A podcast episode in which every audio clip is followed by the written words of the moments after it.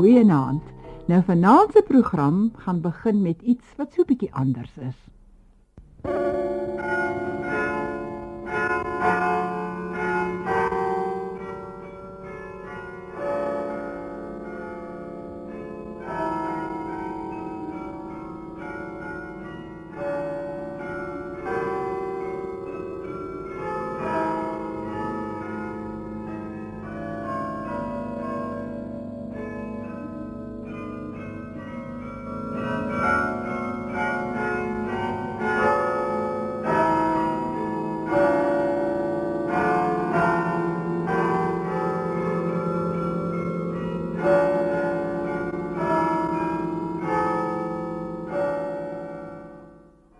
As u in Kaapstad woon, het u miskien die klokke wat daar bo in die torentjie van die stadsaal hang, herken.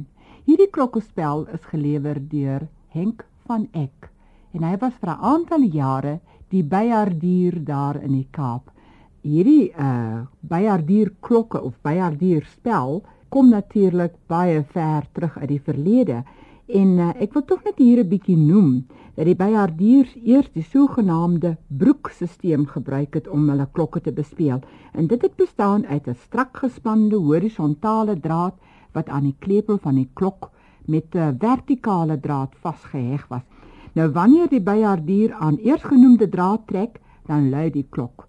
En later het dit natuurlik verander tot hierdie byhard speeltafel wat bestaan uit 'n reeks horisontale houtstawe wat deur staaldrade met die klepel van die klokke verbind is. Die sogenaamde toetse of stokke lê in dieselfde volgorde as die van 'n klavier, met kort stokke vir die swart note en lang stokke vir die wit note. Die voetpedale is dan natuurlik ook gekoppel aan hierdie handnote, maar dit is manuaalnote en dit kan ook deur die voete dan bespeel word want dit is soms baie moeilik want sommige van die klokke weeg maklik 15 pond en jy kan nou self dink as 'n mens nou net daarop moet slaan met jou vuiste want jy weet dit word mos bespeel deur die vuiste wat slaan op hierdie stokke en mens dra mos dan ook so 'n klein leer handskoentjie. Nou gaan sy vrou Anna van Eck vir ons vertel hoe haar gewese man want hy is ongelukkig al oorlede hierdie einste by haar diertafel bespeel het. Ons het in 63 dae gekom En ek dink dit was 64 toe het hy dit oorgeneem by Jan Luit wat die stadsklerk was. Jan Luit is toe oorlede en toe het my man dit het dit uh, oorgeneem. En het hy ook die kussentjies so onder aan sy vuiste gesit om te slaan? Dit is spesiale, weet jy, handskoen kussentjies, ja. kussentjies ja. by sy puntjies. Want dit is natuurlik dit word geslaan en dit was 'n verskriklike amper boksgeveg. Dit absolute boksgeveg. Hy behoorlik om ontklee net met sy vrokkie gesit, jy weet, en sy broek om te speel, want dit was 'n verskriklike inspanning. En hy was omtrent gedaan na die tyd. Maar jy weet hulle sê mos, dirigente en byhardiers word stok uit. maar Jubber hy dit oordoen, jy weet. Hy hy kon nou rustig dit gedoen het, maar hy hy het alles oordoen wat hy gedoen het, want hy was so 'n perfeksionis. Nou ja, nou het ons een faset van Henk van Eck leer ken, maar hier by my in die ateljee vanaand sit iemand wat baie nou met hom saamgewerk het. Ons gesels vanaand met Elspet van der Merwe, lektriese hier aan die Toonkuns Akademie hier in die Universiteit van Pretoria, wat veral geïnteresseerd is in skoolmusiek en musiek in die onderwys. Naand Elspet, Nancy, bly jy hier by ons? Hoe het jy vir Henk van Eck leer ken om mee te begin? Ek het in daardie jare begin skool hou en hy was die musiekadviseur. En hy was 'n wonderlike begeesterde man wat oor klasmusiek net die wêreld wou versit. Eerste ding was dat die musiekadviseurs was op daai stadium net 2. En waarlik hy kry toe regter die poste vermeerder word na 4 toe. Wat ook vir my wonderlik was, is dat hy werklik die behoefte gesien het van kinderliedere vir klein kinderliedere met 'n klein omvang. En so het toe die Suid-Afrika singreeks ontstaan. Waar hy nou lekker liedjies sommer net op twee note gemaak het, jy weet, Ruk rak koekies bak of Jan Viljoen of Kosie Groenteman wat nou al almal kultuur volksbesit geword het.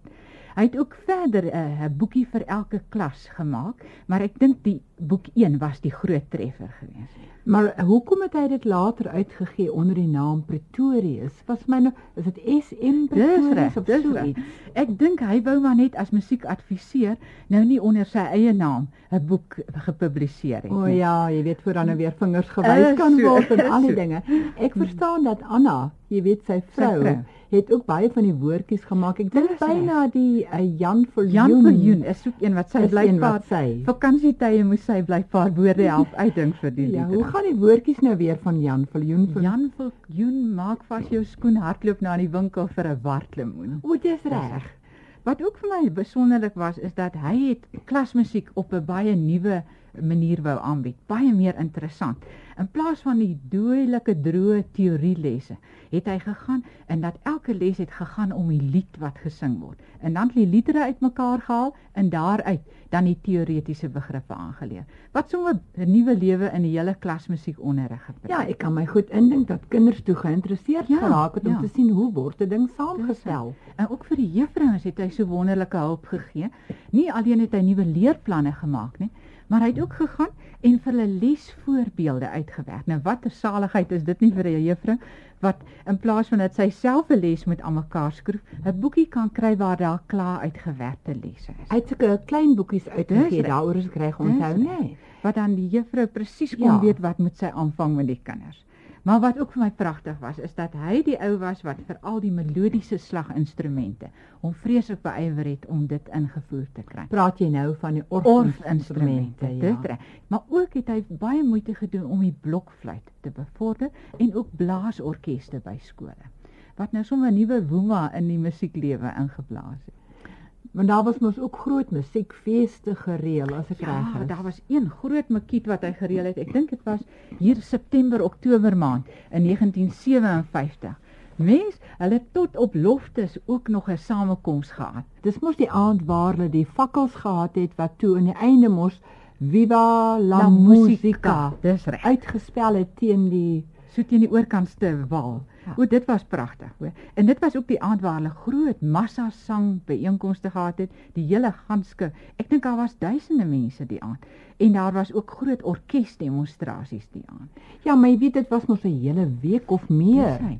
En uh, as ek nou so kyk na hierdie program wat hier voor my lê, wat ek gelukkig was om te kry by Anna Ja, van ek sy vrou, dat daar so so lyk dit vir my was daar nie alleenlik net uitvoerings nie, maar julle het ook gehad goed soos demonstrasielesse vir juniorwerk in die voortrekker gedenksaal, nou. Ja. En dan het julle gehad goed soos 'n kongres van die musiek uh, onderwysersvereniging en julle het 'n operette aand gehad en daar was 'n middagkonsert met uh ooh Boys High en die orkes van die polisie en die Afrikaans Hoërseunskool en orgel en kooruitvoerings. Dis net ongelooflik dat een man dit alles kon Ja, gereël het. Ja. Nee, dit was 'n 'n fees en ek dink dit het 'n inspuiting gehad in die hele mus- skoolmusieklewe van Transvaal. Dat mense met eens weer lus gehad het om hulle goed voor te berei vir die klasse en nuwe idees ook om daar aan reg te laat geskied aan die vak. En weet jy dat hy nog ook so 'n knap orgelis ook was? Ja, die Want weet by die fees het hulle eh, het hy hom veral beywer om orgel orgels in gewone skole te kry. En daar was toe ook uitgestal die orgel wat hy ontwerp het vir die Afrikaans Hoër Meisieskool. Ja, ek het geweet dat hy 'n uh, orgel ontwerp het vir Afrikaans meisies hoor, maar ek verstaan nou dat hy uh, vir uh, is dit nie vir uh, Hendrik vir- Verwoerd. Ja, ja, het hy ook 'n orgel laat Ja. inlaat. En- Ek dink voor meisies Afrikaans meisies hoor, né? Wat ook wonderlik is, is toe het in plaas van net klavieronderrig by skole as 'n vak, kon mense toe ook met orgel alreeds op hoërskool begin. Dis dan ek wonder dat een mens so baie dinge kan vermag. Ek het ook vir 'n rukkie by hom orgelles geneem en hy was 'n fabelagtige improviseerder. Weet hy kon daarom op 'n orgel net iets wonderliks reg. Ja, dit lyk my se talent wat in Holland floreer. Dit is verbasend hoe hulle daardie talent ontwikkel. ja. Maar jy weet dat eh, ek sien hierso dat uh, Henk van Eck Hm. op 14 jarige ouderdom alreeds orgelis was. Nee, wag. Ja, Hoor. kan jy dit was nou in Nederland Ja. gewees.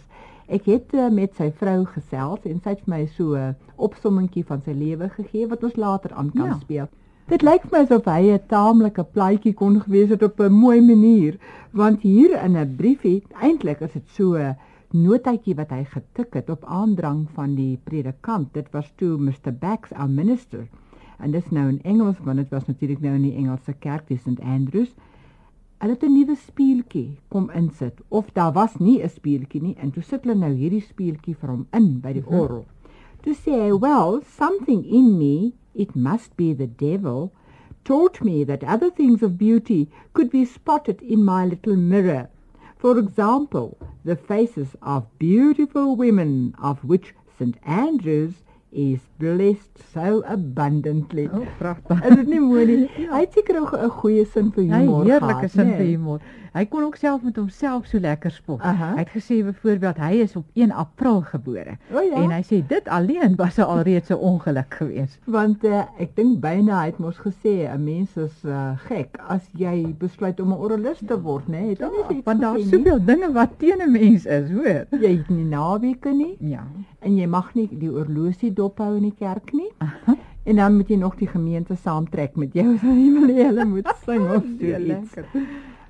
Nou maar ek dink dit is nou tyd dat ons 'n bietjie luister na die loop van sy lewe. Want daar is 'n paar mooi storieetjies wat Anna van Eck vertel. Mooi. Hy was orgelis in die Kunera kerk in Renen. Pragtige kerk aan die Ryn. En toe word die kerk gebombardeer gedurende die Tweede Wêreldoorlog. En dit het hom verskriklik ontstel. Hy was so gefrustreerd dat hy net besluit het. Jy weet nou wil hy weg uit Holland. Dit hy nou besluit hy gaan nou maar probeer vir hom 'n pos kry hiersin. En waar het hy toe uh, besluit om heen te gaan? Hy het op die land uit 'n landkaart van Suid-Afrika in die hande gekry.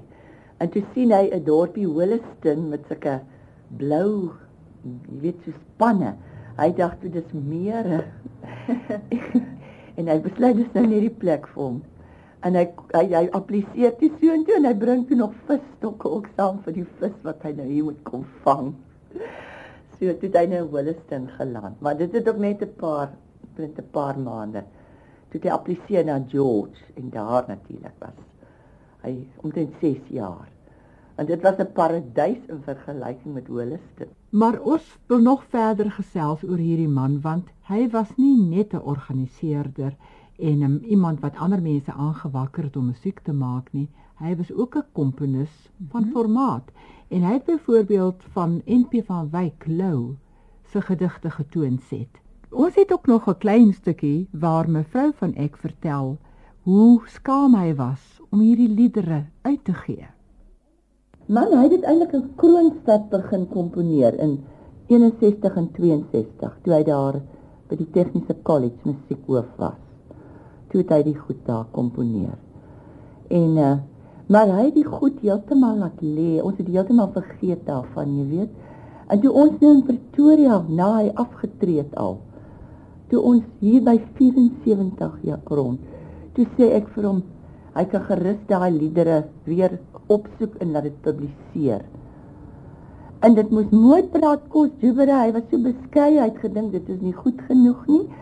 En ek het hom so ver gekry om die liedere weer op te diep en sy dogter en nog 'n meneer se gaar ook 'n baie musikale vriend van hom wat ook orgelis was. Beppie en meneer se gaar het hom toe gehelp. Jy weet, die goed nasien en oorskryf en so. Ja, en uh, maar daar's een iets wat ons nog nie oor gesels het nie. Ons tyd loop uit. Dit is die Hollandia sangers. Ja, wie hy was 'n baie begaafde en 'n bekwame koorleier en hy kon mense ook inspireer om lekker te sing. Ek dink die Hollandia sangers het daardie tyd wat hy hulle leier was, 'n besondere hoogtepunt bereik. Ja, en hulle sing ook al vir baie jare in Pretoria en uh, hulle sing nog steeds. Baie mooi. Dit het tyd geword om te groet. Ek wil net eers vir Elsbet van der Merwe van die Universiteit van Pretoria baie baie dankie sê dat sy by ons kom kuier het en vir ons meer vertel het van hierdie besondere begaafde man. Ek groet u tot 'n volgende keer. Goeienaand.